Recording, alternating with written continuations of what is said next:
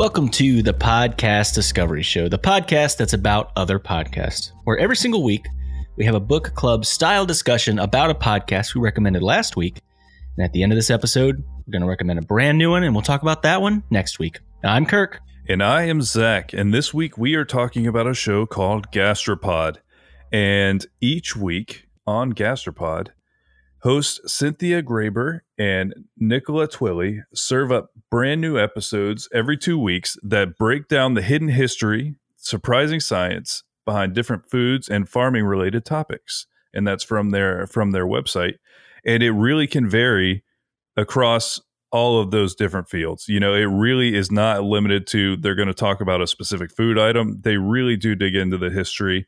And this episode we're talking about is called Snack Attack. Snack Attack. Yeah, no, I had never listened to this podcast before. I think I had seen it suggested to me because I've listened to multiple shows about Right. food. Yeah, I had the same the same experience. um, but yeah, it's uh, it's a great. At least specifically this episode, they talk a lot about the history. I loved how they had like some sound bites from like old timey commercials about stuff. Um, and I don't know. I had never thought about this angle.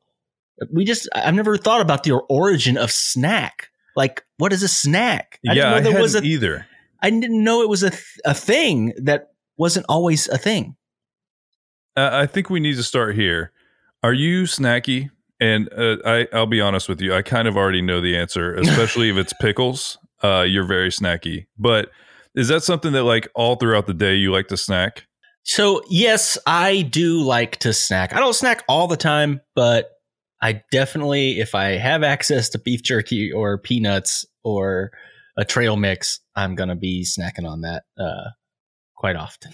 I've found it like goes in cycles for me. You know, if I get in these like I'll have like weeks where I just want to snack all the time and I will snack a lot. And first of all, I also am aware that that it's not like a healthy thing that I'm doing. It's like I'm hungry and I'm just going to eat more than once, you know? So it's like I don't know. But it was definitely interesting to hear first of all that it's not something that just everyone does. You know, there's a Yeah, cultural element to this.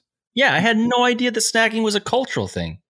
Yeah, and they said that some people just eh, straight up, I I don't snack. So I guess that means if it's not time to eat a meal, just no, get that out of here.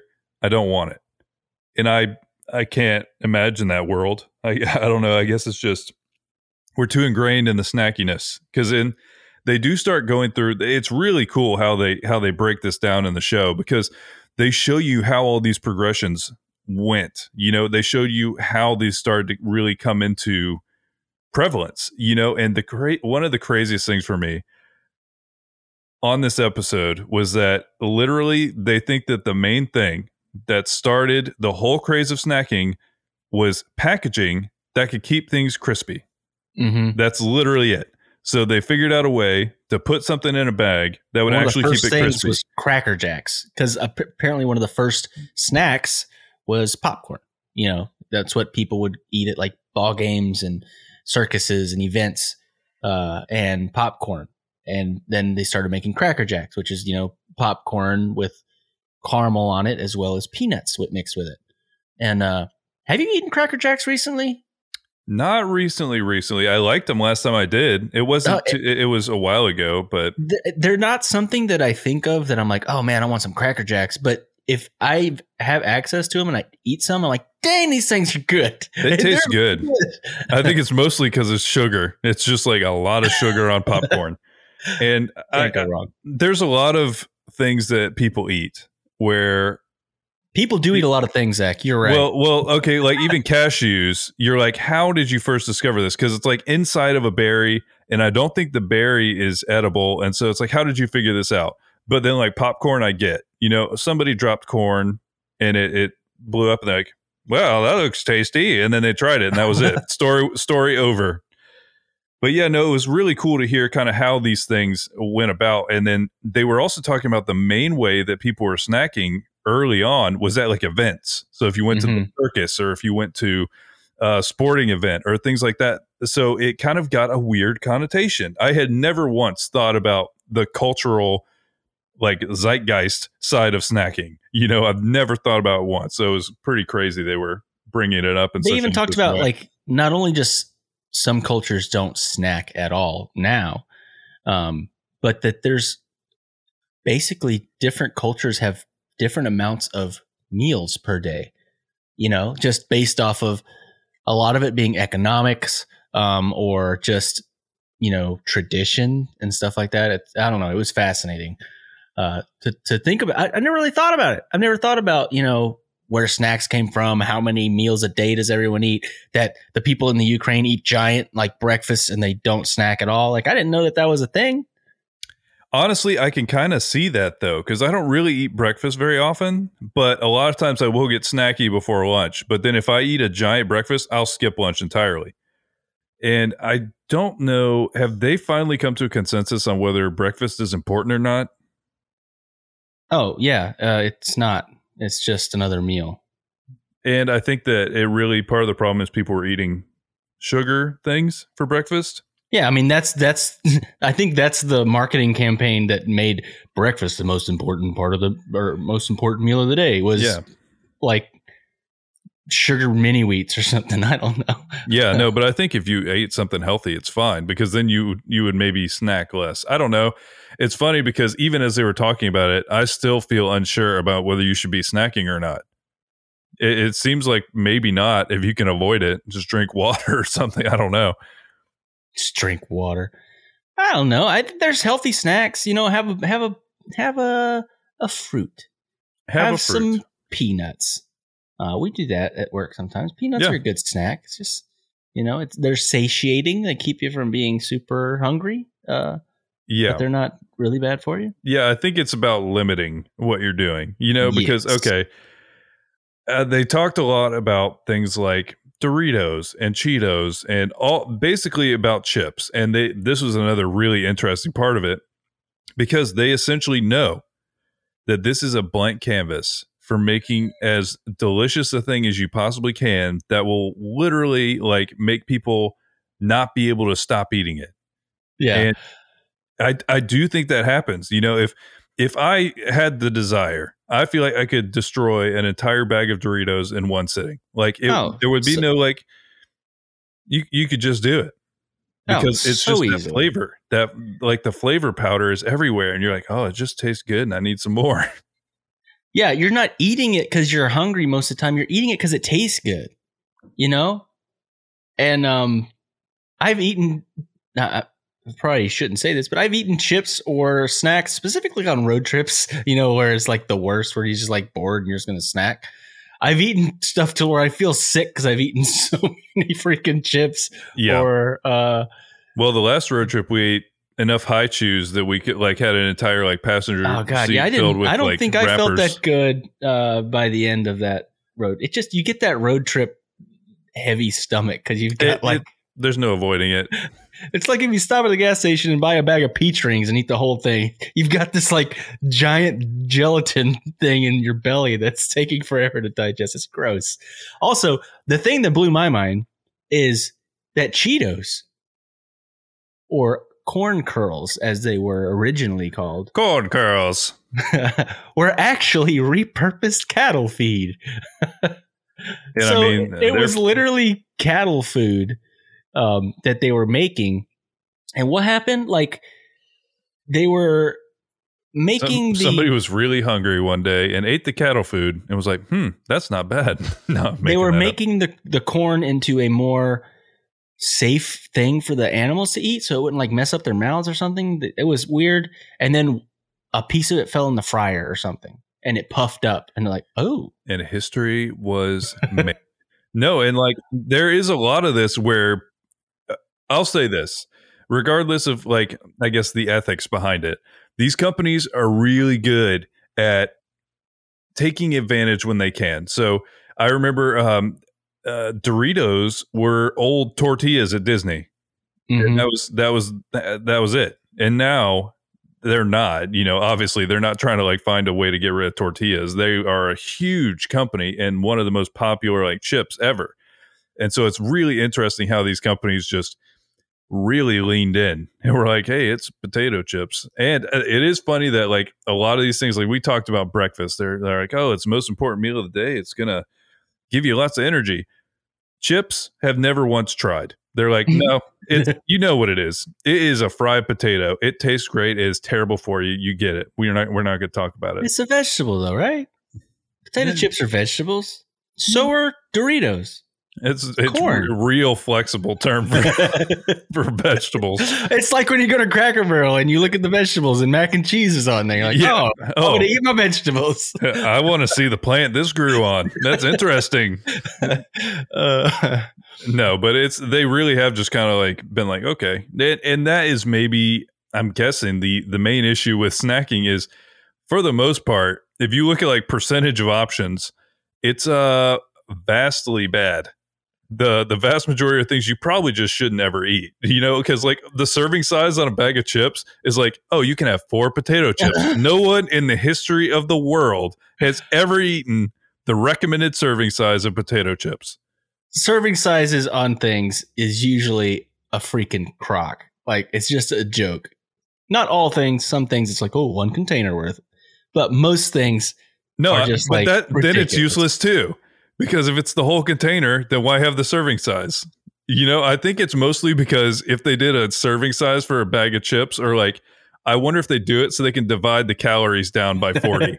you know what I mean? So they're like, oh, it only has 100 calories. It's like, yeah, for four chips. you know, so they're able to like break this down that way. yeah. And I thought it was fascinating. They did talk about these giant companies like Doritos going into places that aren't didn't normally snack. Like they talked about specifically the example of when Doritos started making a uh, a push in Thailand, which culturally did not snack. It wasn't a place that was used to snacking or anything else. And what they were doing was they were giving out cell phones if you bought enough bags of Doritos. They'd give you a free cell phone. How, how many Doritos is it? I have no I'm, idea. I'm in the market. You're in the market for a new cell phone. I'm sure it's Yeah. a great cell phone. Yeah, no, I bet it's I bet it's fantastic. I got this phone by eating Doritos. No, I'll say this: Asian countries, they have taken it to another level. You know, because like uh, our boss would bring in chips from the Korean store, and they have crazy flavors, like right? like a crab and all kinds of interesting flavors. So this- Squid. yeah, it's not exclusive to America, but there are some countries where it's just not a thing, you know? And uh, I don't know. I've been kind of on a not snacking kick, and not by any decision, just I haven't been feeling it. So we'll see when it comes back. They talked about um, they they interviewed a scientist uh, in here who done a a study in um, in the correlation between snacking and obesity.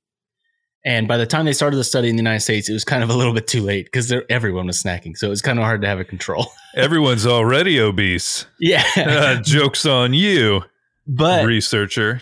they said they that he went to China, which was just at the beginning of like the snack push, and he he did a whole study, and I forget how many years they were there, but it was like it used to be like one in fifty kids was obese, and they said it was like one in five by the end of like three years or something. One in five kids is It obese. was like it was ridiculous. The It's number was stupid, and uh, it was all and it was correlated to snacking. And they they call it like what is it like uber processed food or like uh, Yeah, where there's nothing mega left. processed yeah, not that- ultra ultra mega. Yeah, not that there's like one element of it that's a processed food, that there's literally no elements that aren't processed foods.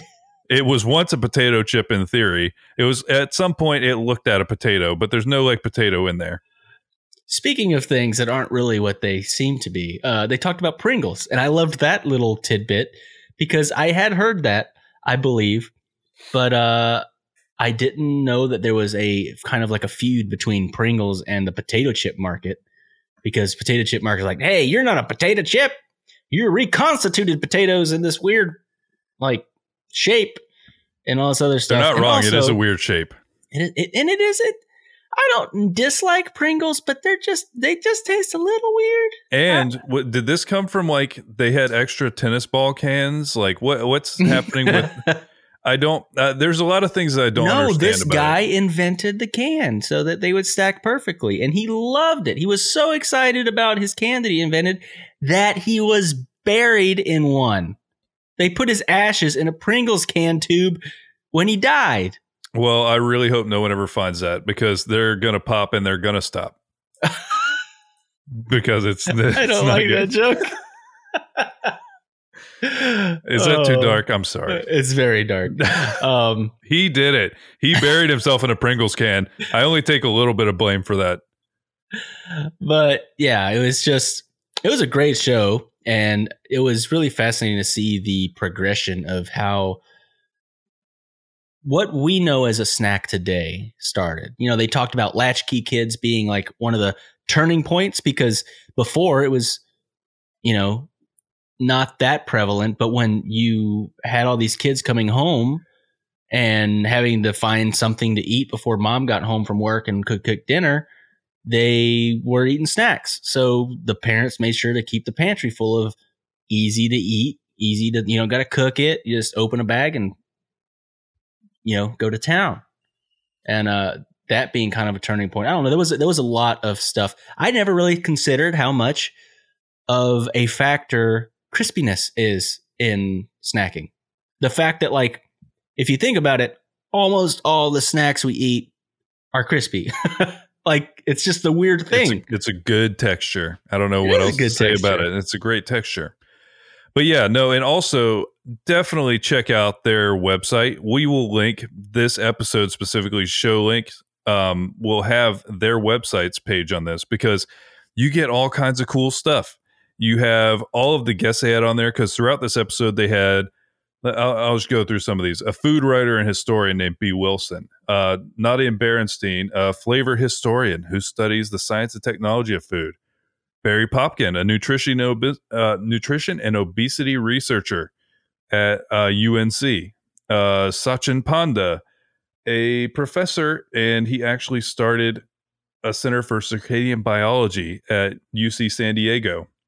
he they was also- fascinating when he was talking about like every part of your body has its own circadian rhythm. That was fascinating. I wanted to dig more into that because that's something I want to learn a little bit more about. Yeah, it was uh, serious. It was funny because I kind of had always assumed because, like you said, this gets recommended to me because we've listened to a lot of we like shows that are like this. You know, stuff that's like kind of about the culture and the story about food. And then this one, you end up learning so much cool stuff throughout. It was just fantastic. So many discoveries yeah, in it was. show. It was The algorithm incredible. got us. The algor- algorithm figured us out. They really did, but it was really, really worth it. Um, I, I personally like I followed the show because I think it's a great one for just I don't know what I'm going to listen to, and you can just pick something, find I was something. busy, so I couldn't finish the next or start the next episode really good, but it went straight into the next one, and it was about like what is the actual uh, scientific solution to a hangover. I wanted to learn about that one. I that almost did that one honestly, but like I feel like I just had a discovery about that. We're like, let's not let's not signal that we're just always having hangovers. We're gonna we're gonna act like we're just always snacking. It's better. I don't have hangovers too often. Um, but yeah, I, I get that. We did just talk about that not that long ago. It was not long ago. So that brings us to this week's recommendation. And I've got one that when I saw that this was a show, I was like, oh my gosh, we've got to do it. But I wanted to find the episode that I particularly want to talk about. And the reason that I thought this would be perfect is because I love the show Nailed It on Netflix because I love watching it with my kids. It's a baking show, but it's a bunch of bakers that don't know how to bake. And they put they give them this really difficult challenge and it's it's usually be hard for a, a professional baker to do yeah, it. it's like a an actual challenge. and their the outcomes are hilarious. But the host of that show nicole Byer, is hilarious. She's so funny. And like she makes the show in my opinion. She's just so funny. And um she has multiple podcasts but this one is called newcomers and she is it's her and Lauren Lapkus, who is also a comedian. Uh, she's been in movies. I I will talk about what movies she's been in and TV shows on the next episode when we actually dig into it. But what they Dragonheart. do, I don't think that uh, she was in Dragonheart. um, what they do is they go through a very nerdy thing. So season one, they went through Star Wars, and and they, they go into something that has a deep lore and stuff, having no preconceived notions. They they have no context for it, so it's great. But the one that we're doing is they did season two, which was Lord of the Rings, and we're going to do the episode about Return of the King, which is me and Zach's favorite uh, book slash movie in in the series. Um, and they have some special guests on that episode, and it's just it's fun, it's a blast, And it's about And- Lord of the Rings. and it's about Lord of the Rings. So here's the here's the synopsis of the show. It says sometimes we miss things. For Nicole Byer and Lauren Lapkus, those things are most every deeply popular sci-fi or fantasy series out there. In season one, Nicole and Lauren got a crash course in Star Wars. For season two, they're venturing into the Lord of the Rings. Join Nicole and Lauren as they get to know the ins and outs of Elvish, Hobbit feet, and some all-powerful ring.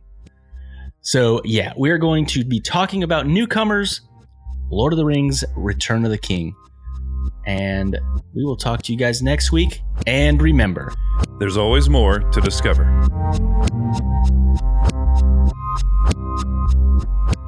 Thank you for listening to the Podcast Discovery Show.